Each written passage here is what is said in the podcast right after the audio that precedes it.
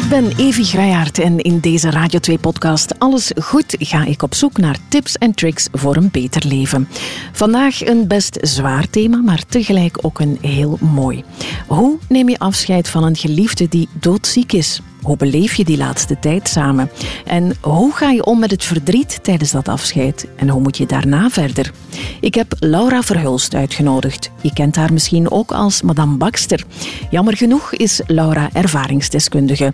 Zij verloor op 3 december 2021 haar man Kobe en zij wil ons een inkijk geven in hoe dat voor haar was en is. En uiteraard zit ik hier vandaag ook niet alleen, maar ik heb een podcastvriend uitgenodigd en dat is deze keer Joris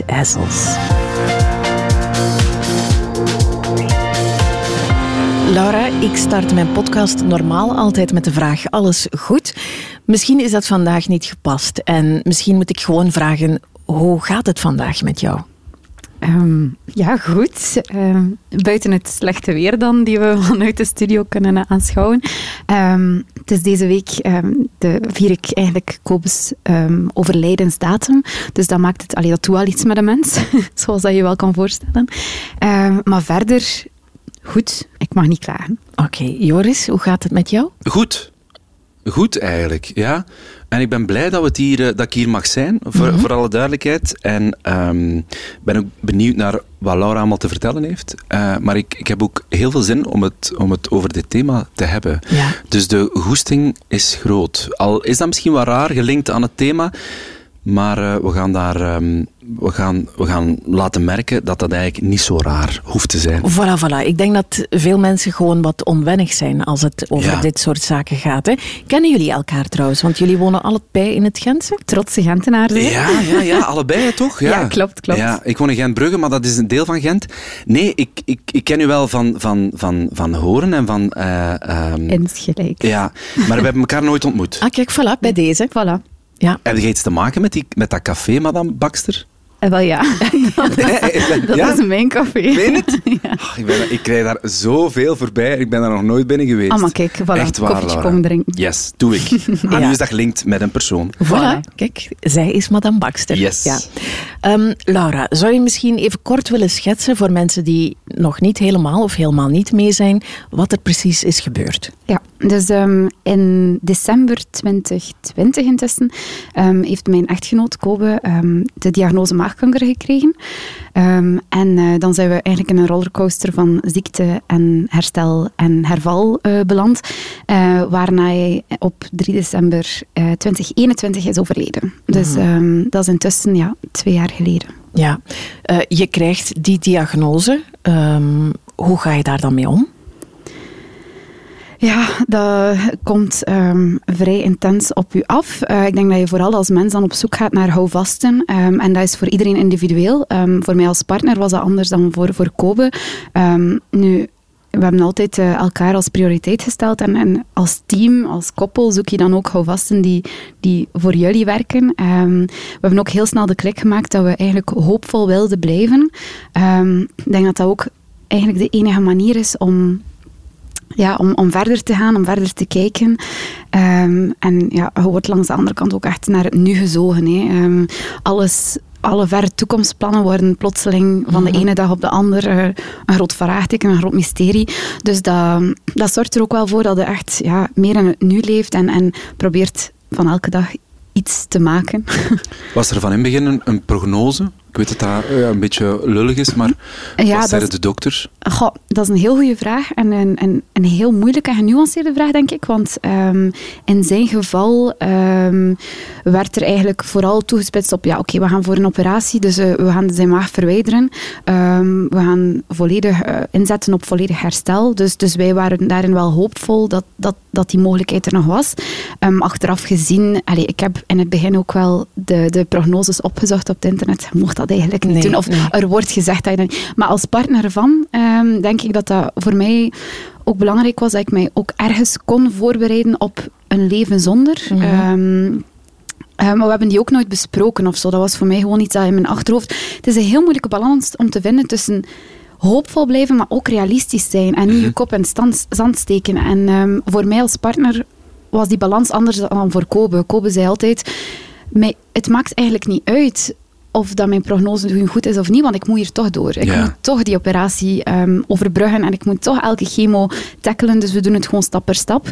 Ehm, terwijl ik moest mij ergens wel uh, ja, um, panseren ja. voor een toekomst mogelijk zonder hem. Dus, maar dan moet je daar ook wel weer een stukje kunnen loslaten, want het is ook niet de bedoeling dat je begint af te tellen of zo. Dus de dokters zijn daar altijd vagen geweest um, in, in die prognose. Um, geen beloftes gemaakt. Ik denk dat voor iedereen die in, in hetzelfde schuitje zit, is dat waarschijnlijk heel herkenbaar. Je hoopt dat die dokter zegt, oh, maar geen probleem, hij komt hier helemaal door. Uw kansen zijn 99 procent. Uh, maar dat was niet zo. En dan vraag ik mij ook af, als patiënt, hoeveel procent overlevingskans is dan wel genoeg. Als ze zeggen 50-50, is dat dan genoeg?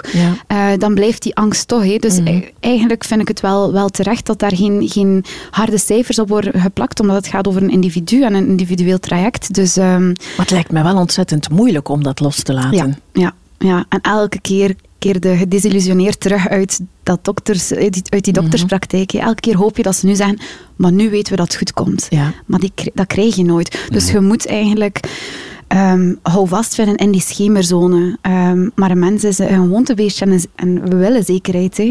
Um, en een ziekte is die er niet. Maar eigenlijk is die er ook niet in het leven. Nee, dat is zo. Uh, wanneer wist je dan, Laura, het, het loopt hier niet goed af?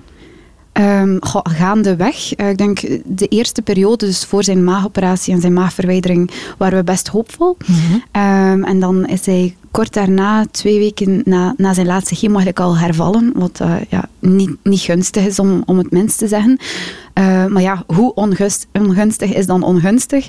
Uh, dus dan hebben ze nog immunotherapie um, voorgesteld. Maar eigenlijk zijn we de moment dat hij echt fysiek begon af te zien en dat hij zelf ook voelde van er klopt hier iets niet in mijn eigen lijf. Daar um, voelden we wel van dit, dit komt niet meer goed. Um, en dan hou je je toch vast aan nog wat jaren als je merkt, goh, die jaren, dat zal, dat zal er niet meer van komen, hou je vast aan maanden, dan dagen. En je zoekt altijd een, een aan, aangrijpingspunt, of een, mhm. een, vorm van hoop. Ja, en hoe probeer je dat dan te accepteren? Kan je dat accepteren? Wat ik vooral geleerd heb het afgelopen jaar is dat er een heel groot verschil is tussen acceptatie en um, hoe noem je het, uh, berusting. Uh, berusting is, is, passief, is gewoon u, ja, erin hangen. Ja, u erbij neerleggen eigenlijk. Acceptatie, dat vraagt werk heel veel mentaal werk. En ik denk dat ik het afgelopen jaar, jaren nog nooit zo hard gewerkt heb als, als in mijn rouw. Um, dat is elke dag opnieuw opstaan en niet denken, het is wat het is, maar denken, oké, dit is gebeurd en ik aanvaard het en ik doe er iets mee en ik probeer vooruit te gaan. En dat was in het jaar van ziekte ook zo. Um, wel, want dat is wel iets heel um, interessant en, en wat misschien vaak over het hoofd wordt gezien, maar eigenlijk begint het al vanaf, vanaf de diagnose zelf dan. Ja, klopt. Ja, ja. ik denk vanaf dan is uw leven niet meer hetzelfde. En vanaf dan begint eigenlijk uw rouw om een leven dat je niet meer hebt. Mm want plotseling zijn je zieke. Mhm. Ehm, dus dus dat, ik denk, Koop heeft heel veel uh, kracht geput uit, uit stoïcisme. Omdat daar eigenlijk die leer uh, draait vooral rond het aanvaarden waar je geen, geen invloed op hebt. Um, en, en dat was voor hem een, een, bron van kracht. En heeft hij zich daar bewust in verdiept dan? Je had er altijd wel al interesse ah, in. Uh, maar plotseling wordt dat heel tastbaar in je eigen leven natuurlijk. Hè. Ja. Um,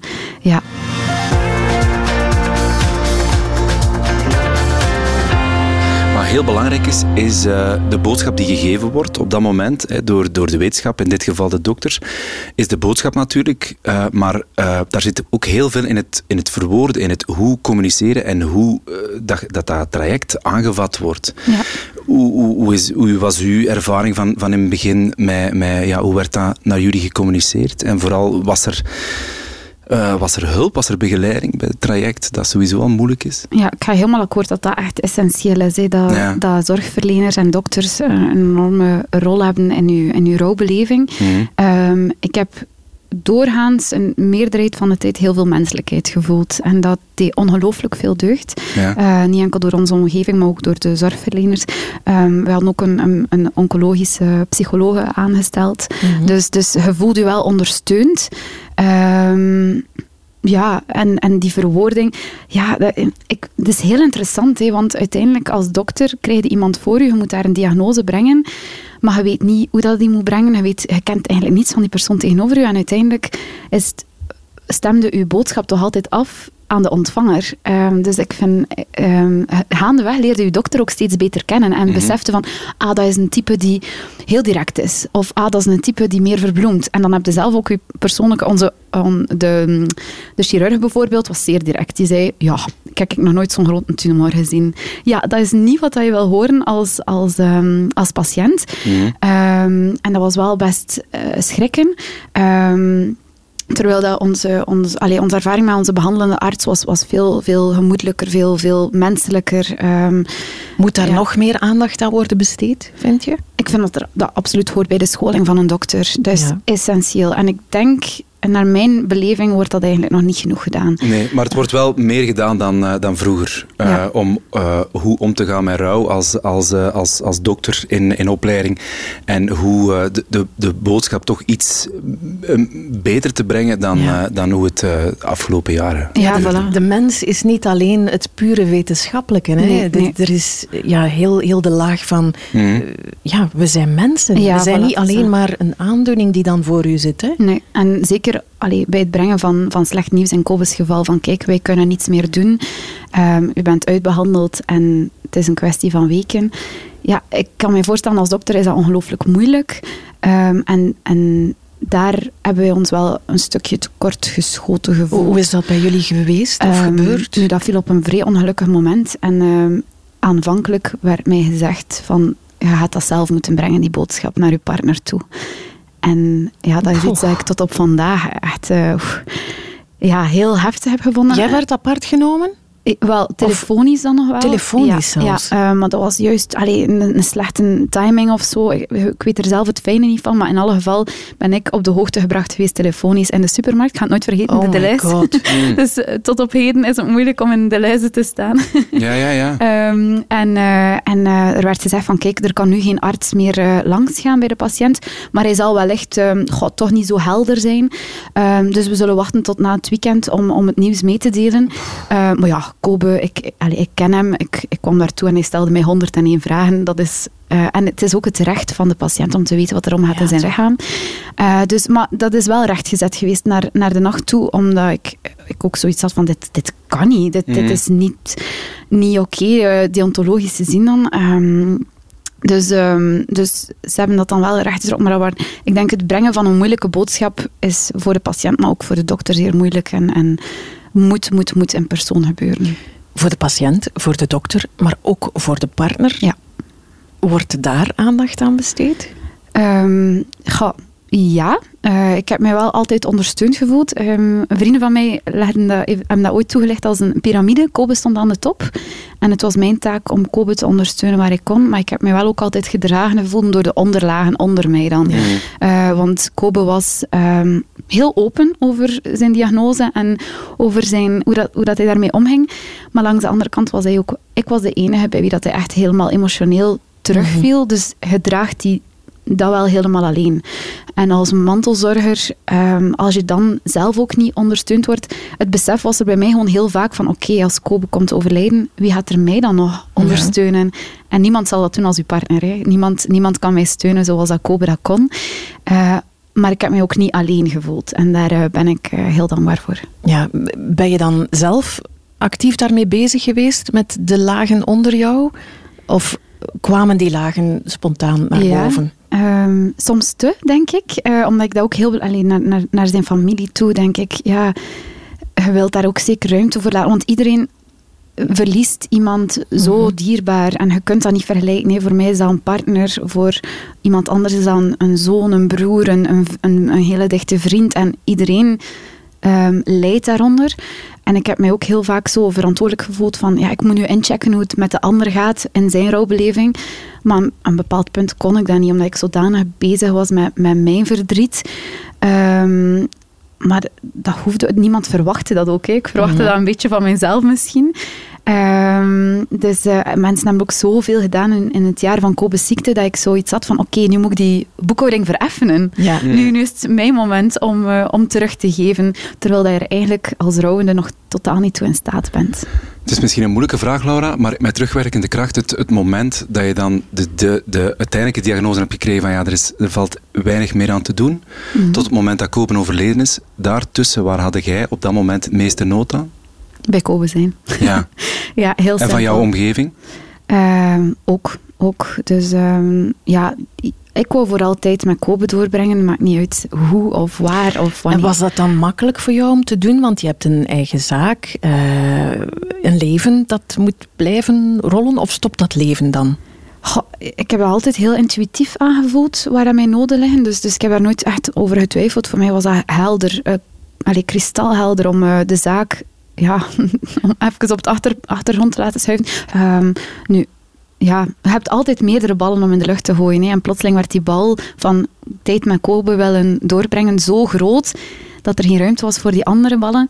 Maar ik ben er wel van overtuigd, je hebt kristallen ballen en je hebt rubberen ballen. En die rubberen zullen wel terugkaatsen in je handen als het nodig is. En ik heb tot aan, van, van de diagnose tot aan, uh, tot aan zijn overlijden ja, die bal of, mijn, mijn leven met Kobe um, als prioritair gezien. En de rest was daar een beetje ondergeschikt aan. Um, en ja, nee, de, maatschappij is daar niet. We, we, moeten allemaal heel veel verschillende zaken combineren en managen. En dat voelde wel als er dan ziekte uh, bij komt. Ja, plotseling wordt alles in twijfel getrokken. Um, en ik denk, dan heb je wel bewegingsvrijheid nodig of zo. Om, om te mhm. kunnen kiezen, oké, maar daar wil ik nu mijn tijd in investeren. En dat kan niet altijd. Ja. En als je dan zo, uh, zoveel mogelijk momenten met Kobe uh, wou, probeer dan ook uh, onbewust momenten te maken om dan... Natuurlijk, daar wil je op dat moment niet aan denken, maar op het moment dat hij er niet meer zal zijn, dat dat hetgene is dat, dat, dat, ja, dat nog bij u zit. Ja, ik denk ook daar heb ik het geluk dat dat heel intuïtief loopt bij mij. Um, Kobe zei altijd dat, uh, dat hij uh, verliefd is geworden op, um, op de lichtjes in mijn ogen. Hm. Uh, ik kan heel goed van het moment intens genieten. Dus goh, ik heb nooit echt een moment met hem beleefd dat ik dacht, dit zal nu de laatste keer zijn. Dat maakt het ook zo gewichtig. Ik dacht mm. gewoon, we vieren het leven tot op letterlijk de laatste minuut.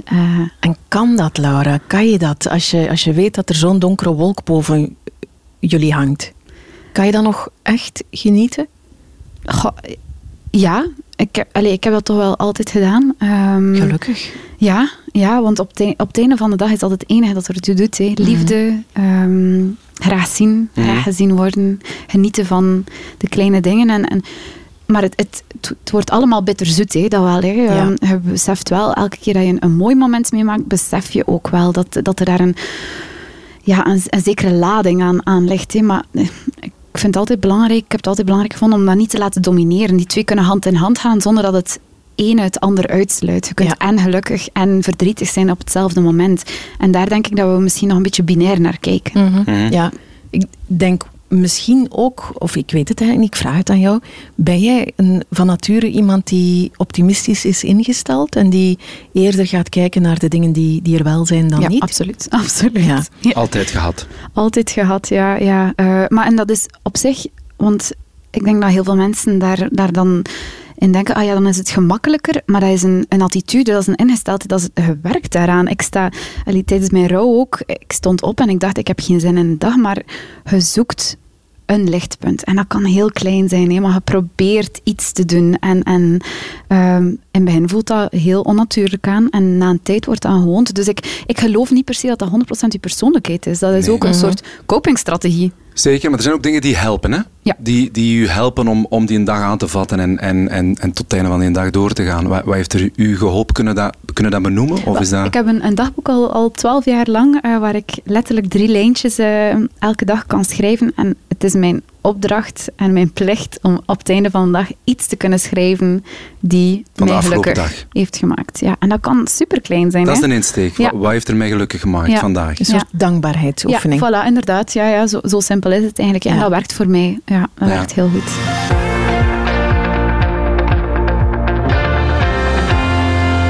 Zijn jullie in die, in die periode tussen de diagnose en dan ehm, die laatste dag nog extra naar elkaar toegegroeid of nog... We waren een zeer, zeer hecht team. Dus nog extra... Ja, sowieso. sowieso. Ik denk, dat heeft gewoon bewezen hoe, hoe complementair dat wij waren. Um, als de weet je, um, plezier samen maken is, is niet het moeilijkste. Mm. Er zijn voor elkaar in, in, moeilijke tijden, daar, daar zit de uitdaging. Um, en um, dat hebben we wel kunnen, met land hebben we dat goed doorstaan. ja, ik denk op zich als de ziekheid, het, ik denk dat het puurste, het meest fundamentele van u naar boven komt. Zowel ja. als partner van, maar ook als, als, als patiënt. de essentie? De essentie komt naar boven, ja. Want je hebt geen ruimte om om iets anders te pretenderen, of pretenderen te zijn. Ja. Uh, dus wat, wat, ik me ook afvraag, um, Laura, eh, maak je dan nog ruzie? Uh, ja, Durf je nog ruzie maken? De, de, we kennen elkaar ook door en door. Hè. Dus ik herinner me nog heel goed dat Kobe, en denk in zijn laatste week, zoiets had van: oh, Laura, stop nu met plannen maken en heel de tijd bezig te moeten zijn. Maar dat, hij vond dat ook charmant of zo, want dat is hoe dat hij mij kende. Um, dus, dus ik heb ik vond het ook heel belangrijk om altijd de persoon te zijn en hem niet anders te behandelen of niet anders te doen tegenover hem. Um, dus, dus nu, ik weet wel, op zich, als, als, zeker als zieke, is het op een duur heel moeilijk, want alle gesprekken worden gereduceerd tot het ziek zijn. En um, een was hij zodanig beu van altijd te vertellen hoe dat de nacht is geweest, hoe dat hij zich voelde, hoeveel dat hij heeft gegeten. Mm um, en ja, dan was het vaak wel radiostilte. uh, dus dan heb ik zo op de markt, zag ik plotseling zo, je kent dat wel, die octopusjes met zo twee kanten en ja, ja, ja, ja, gelukkig ja. gezegd. En ja. Uh, dat heb ik ooit gekocht voor hem. En dan zei ik van, kijk, je moet het mij niet meer zeggen hoe dat u voelt. Zet gewoon die een octopus op de hoek van de kamer en dan zal ik het wel merken. en dan kan ik mijn gedrag daar ook een beetje op afstellen. Dus ik denk, uh, ja, wij zijn altijd op zoek geweest naar manieren om voor elkaar te zorgen, ja. mag ik vragen, Laura, waar Kobe gestorven is? Thuis. Thuis, ja. Ja, in bed. Dat was een, um, een, een, een, bewuste keuze of dat is hoe het gelopen is? Dat was een, een bewuste keuze, ook al... Allee, het, dat was zijn voorkeurscenario en we zijn heel dankbaar dat dat zo gelukt is. Ja. Um, dus hij heeft zelf gekozen voor euthanasie. Um, ja, intens absurd dat we dat moet meemaken. Ja. Maar het was op zich wel een heel liefdevolle dag of zo. Um, dichtste familie, um, zijn broers, zus, uh, de dichtste vrienden waren daar. En, um, wat wat ja. doe je dan nog?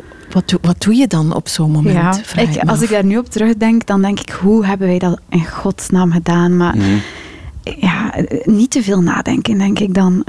gewoon doen. En, heel erg op je gevoel en heel ja. erg, wat heb je op dat moment het meeste nood aan. Ja, ja. Je had het al een paar keer over die, dat je terugkomt tot je essentie. Hè? Mm -hmm. Al de, de fikvakken rond, zeggen ze bij ons. Uh, uh, doen alsof valt weg. En heb je dat daarna kunnen blijven aanhouden, vraag ik me af. Of neemt de snelheid van het leven, de rat race van het leven, het dan weer over? Um, ik denk dat dat sowieso wel iets is dat mij definieert om zo tot de essentie te komen. Ja. Um, maar ja, het, het, leven draait wel weer heel snel door. Dat mm. is mhm. wel, en ik heb echt heel bewust op de pauzeknop moeten duwen. Um, en, en tegenover mezelf, maar ook tegen de samenleving moeten kunnen verantwoorden van kijk, ik ben nog niet klaar om te werken. Ik, ik kan dit nog niet, want anders duwde u rouw als een strandbal in de zee naar beneden en dan springt hij drie keer zo hard op. Dus, dus voor mij mij was het zo belangrijk om te rouwen en mijn tijd daarvoor te nemen. En um, voor mij was dat een vanzelfsprekendheid. Um, je bent daar heel bewust mee omgegaan. Ja, hè? Ja. Had je je daarover geïnformeerd? Of is dat ook weer een buikgevoel bij jou? Ja, eigenlijk eerder intuïtief. Ja. Um, maar ik vind het wel heel jammer voor mensen die... Want uiteindelijk gaat het om ruimte durven nemen. Hè. Ja. Het gaat om durven zeggen, ik ben hier niet klaar voor, ik doe dit niet, het is mijn grens en ik kies voor mezelf. En dat is geen evidentie. Nee, dat is, geen, dat is niet gemakkelijk, wat ik net ook beamen. Want de samenleving wil eigenlijk dat je er snel bovenop bent. Ja, ja. Er wordt in de volksmond gezegd, uh, laat alle, alle seizoenen er eens over gaan en dan zal het wel uh, iets of wat gepasseerd zijn of een plaats gekregen hebben, toch? Allee, ja, klopt. Uh, even heel kort door de bocht. Ja, nu, ik denk na een jaar voel ik ook wel dat er... Dat is een constante evolutie, ja. uh, maar ik vind ook wel... Ja, je moet, je moet daar wel je tijd voor nemen. Hè. Ik weet, ik ben... op een bepaald moment heb ik alles losgelaten, omdat ik voelde dat, dat het verdriet echt aan mij trok, mij naar mhm. beneden trok. En, en ik voelde mij zo zwaar, letterlijk. En was dat dan daarna, Laura, of was dat al tijdens? Nee, nee. Na, na het, ja, zolang dat Kobe er was, was mijn enige prioriteit in het leven om aan zijn zijde te staan en, uh, en het voor hem zo licht mogelijk te maken. Maar werd dat soms ook niet te zwaar voor jou? Hmm. Ik heb dat nooit zo ervaren, omdat dat voor mij een, vanzelfsprekendheid was. Uh, maar het is, het is geen evidentie. Hè. Um, nu, de gunfactor die wij hadden voor elkaar was heel groot. Dus um, er was zeker een moment waarin ik voelde, dit, dit wordt emotioneel te veel voor mij. Maar dan zorgde hij ook voor mij. Uh, en omgekeerd. Dus, dus daar krijg je dan ook weer energie van. Hè. Dat zijn kleine dingen, maar uh, als hij zag dat ik, dat ik het moeilijk had, dan zette hij mijn, mijn, mijn loopschoenen al klaar aan de deur en zei hij, kom, en nu ga je gaan lopen. Het deed er niet toe hoe ziek dat hij zelf was. Dus, dus die zorg was er enorm.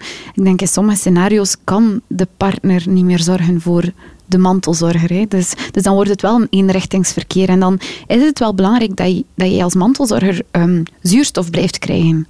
Dat je niet ja, helemaal mee in die ziekte gaat. Ehm, is daar een soort van uh, opvangnet? Is daar iets ontwikkeld vanuit de maatschappij? Iets dat er is?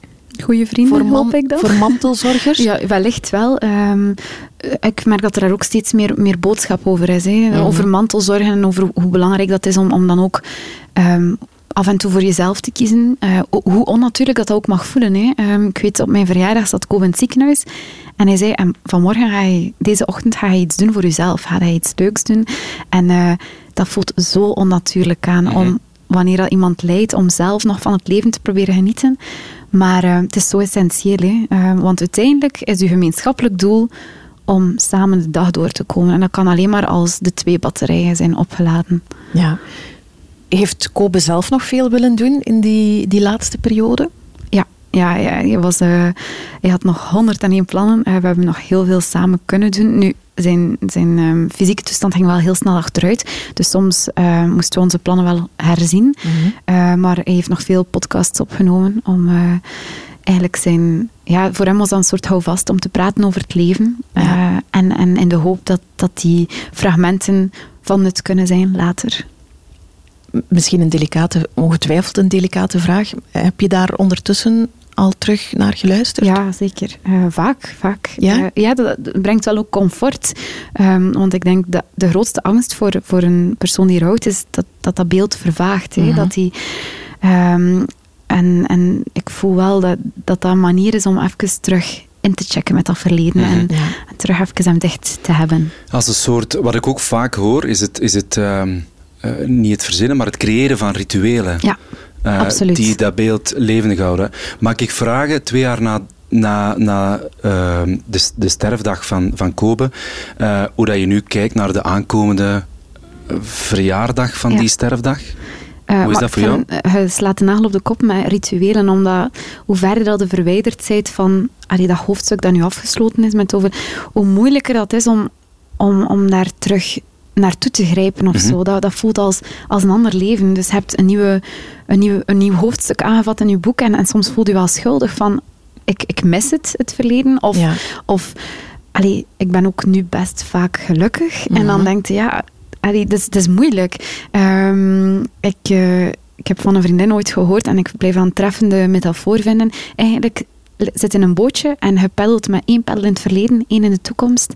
En je zit in het heden. En het is zo belangrijk dat je die drie tijden met elkaar in symbiose, want als je enkel in, in één richting peddelt, draait de rondjes en omgekeerd ook. Dus enkel het verleden is niet voldoende, enkel in het heden en het verleden afblokken en er niet meer over nadenken is, is ook niet gezond, want dan, dan geven we geen ruimte aan rouw.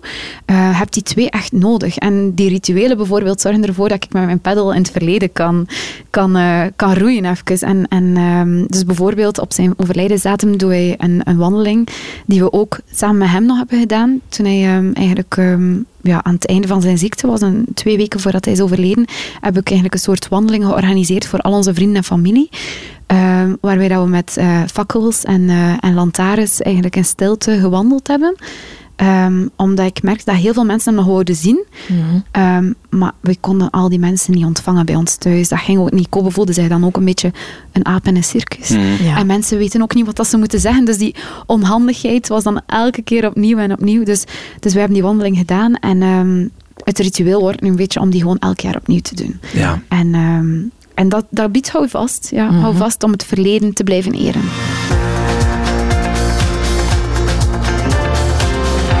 Die eh, hele mooie column in Flair Mhm. tijdens de ziekte van Kobe, maar ook erna. Ehm, na zijn dood, heeft dat jou geholpen? Was dat voor een stuk therapeutisch? Ja, absoluut. Ja, ja, het, is, het, het, je schrijft alles uit je hoofd. Ja. Ehm, en, en het deed mij ook gewoon beseffen hoe hard dat dit nog nodig is. Die rouwrevolutie, zoals hij aangeeft. Ehm, ja, ik denk eh, het, het feit dat, dat ik erdoor moest en, en voelde van... wringt- het wringt met de maatschappij en het beeld dat, dat andere mensen hebben. Ehm, bijvoorbeeld... ehm, als, als je je leven terug oppikt, denken mensen, oh, het verdriet is voorbij. Ja, nee, het, het gaat steeds hand in hand. En, en ehm, hoe meer mensen dat, dat kunnen beseffen, hoe makkelijker ook. Voor Ja. mensen die minder, zoals mij, ehm, een stem kunnen en durven en willen gebruiken. eh, en die dan lijden onder de verwachtingen van anderen. Ja. Ja, want eh, in, in onze maatschappij moet verdriet dan precies ook volgens een soort van protocol verlopen. Hè? De eerste stap X, dan wordt het zo en dan uiteindelijk, hè, na vier seizoenen, Mhm. is het zo. Ja, nee, denk ik dan. Nee, nee, want dat maakt het alleen maar complexer. Hè. Ehm, als je de ruimte krijgt, en dat heb ik zelf heel hard ervaren, als je de ruimte krijgt om op jouw manier te rouwen, ehm, is dat een enorme stap in je helingsproces. Hè. Ehm, Ja. En, en ehm, ja, dat merk ik bijvoorbeeld ook als partner, vinden we het een beetje een evidentie dat ik mijn tijd en ruimte heb genomen om te rouwen. Ehm, maar ik denk heel veel mensen hebben afscheid moeten nemen van Kobe en zijn daar levenslang, allee, dat gaat een levenslang bijblijven. En daar wordt minder over gesproken, bijvoorbeeld. Ehm, terwijl eigenlijk heeft iedereen Recht op. recht op. Ja. En iedereen beleeft het ook anders. Mhm. Ehm, dus in die column heb ik mijn persoonlijke rouwbeleving eh, uitgedrukt. Maar ja, ik ben me heel bewust dat dat maar mijn stuk is. Ja. Ja. Maar je hebt wel woorden gevonden, dat zei Evie ook, of zij, zo heb heb jij het ervaren als je het gelezen hebt. Je hebt wel woorden gevonden eh, waar, waar eh, die, die andere mensen ook soms ontberen of nodig hebben. Ehm, eh, hoe, hoe was dat om die reacties binnen te krijgen? Want ik kan me voorstellen dat je overstelpt werd van, van reacties van, van, van lezers. Ja, het doet heel veel deugd. Ja. dat je toch het gevoel hebt van je kunt daar ook iemand anders mee helpen. Ehm, en en ehm, ja, ik heb wel wat contact gehad met een aantal lotgenotes ehm, die eh, bijvoorbeeld jaren geleden een partner zijn verloren waar er nog meer, alleen nog minder ruimte was in de maatschappij om, om hun stuk daar te leggen. Ja. En, en die dan bijna een loutering voelden hè, als ze het le- allee, iets Mhm. lezen dat, dat resoneert met hen. En, en Mhm. dat ze voelen van, oké, dit, dit is het gevoel dat ik heb. Daar, daar staat het zwart op wit. En, eh, en daar, ja, dat is wel echt heel fijn. Ben je gestopt met schrijven? En nog tot het einde van het jaar, dus bijna. Oké, oké. Ja. Want wanneer zet je dan een punt? Want eh, rouw is, eh, Ja. dat zijn we nu toch al een paar keer aan, het- aan het vertellen, Het is nooit, nooit gedaan. Nooit gedaan. Nee, nee. heel goede vraag inderdaad. Ik vind dat ook wel belangrijk, want ehm, plotseling wordt je identiteit heel hard bepaald door je rouw. Ja. Eh, plotseling was ik de weduwe. Ja. Ehm, en ik vind het ook wel belangrijk om... Ik heb het altijd belangrijk gevonden om te tonen dat ik meer was dan dat. Zoals Kobe ook meer was dan gewoon een patiënt. Eh, maar het is ook belangrijk dat je blijft evolueren in je identiteit. En ehm, ik voel dat nu het stukje weduwe en het stukje rouw, dat daar... eh, dat dat meer tussen haakjes mag beginnen komen te Ja. staan. En wat mag er in het vet komen te staan dan? Mama. Mama! Ja, hoe lang Ja, ben je ja. al mama? Eh, vier, vijf maanden, ja. Wauw, proficiat. Dank je. Ja, jullie, jullie, jij en Kobe, hebben samen nog een heel mooie, maar ook moeilijke beslissing genomen, denk ik. Ja. Hè, dat jullie samen graag een kindje hadden gewild. Ehm, hoe is dat gegaan? Die gesprekken waren altijd al gaande, maar meer op de achtergrond. We waren op de leeftijd gekomen dat we op zijn minst wouden debatteren, discussiëren van willen we het, willen we het niet.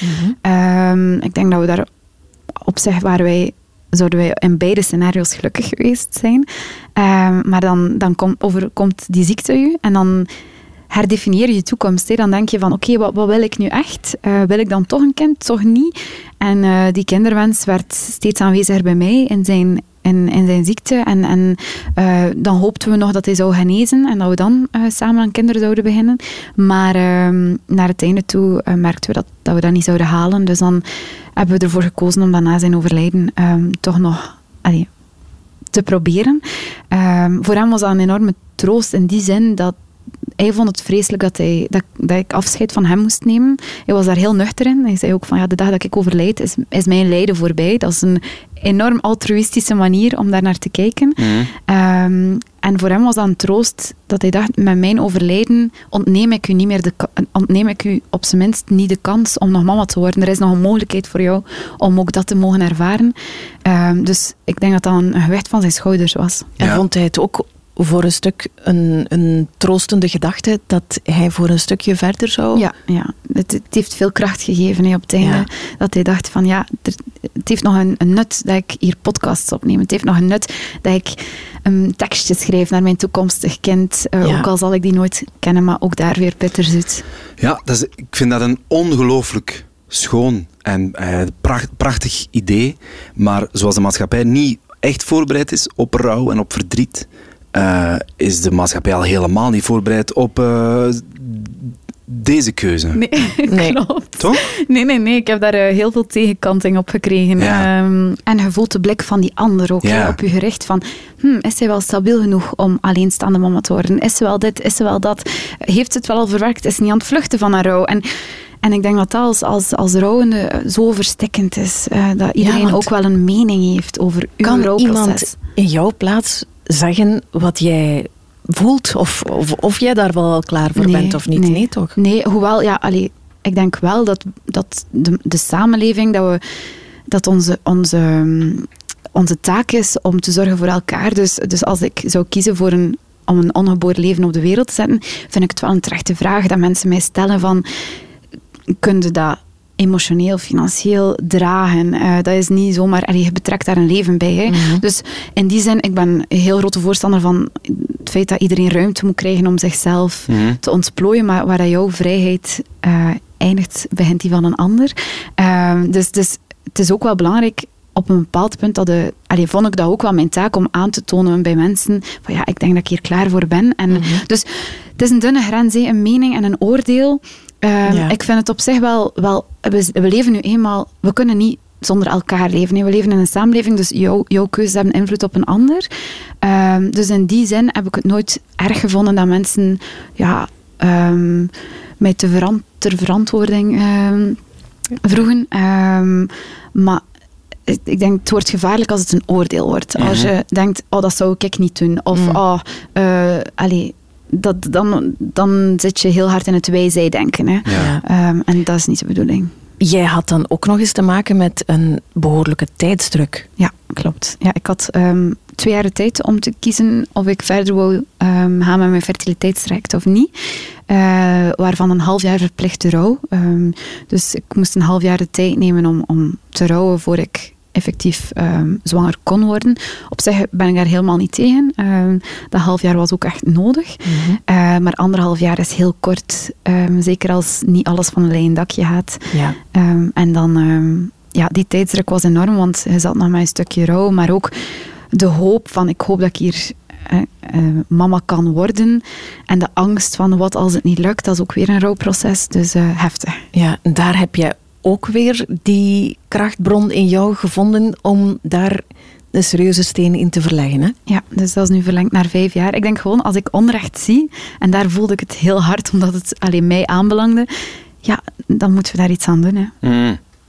Maar met een, met een ongelooflijk resultaat. Ja. Ja. Ja. ja, En, en daar hoor ik van lotgenoten dat het toch... Uh, ja, het haalt zoveel druk naar beneden. Hè. Ja, je hebt al genoeg dingen, denk ik, om mee bezig te zijn dan. Hè? Ja, ik kijk er naar uit dat het leven zo'n beetje mag kabbelen. Ja, ja. ik wens het u toe. Ja. wij wensen het u toe. Absoluut, ja. ja. Uh, Aster is intussen geboren. Klopt. Ja, hoe is het met jullie? Ja, goed. Uh, mama zijn is een max. Ik ben een wandelend pad aan clichés. Ik moet mij nu ook heel hard inhouden om mijn gsm niet te pakken en alle foto's ah, van mijn dochter te mocht dat straks doen, voilà, geen enkel probleem.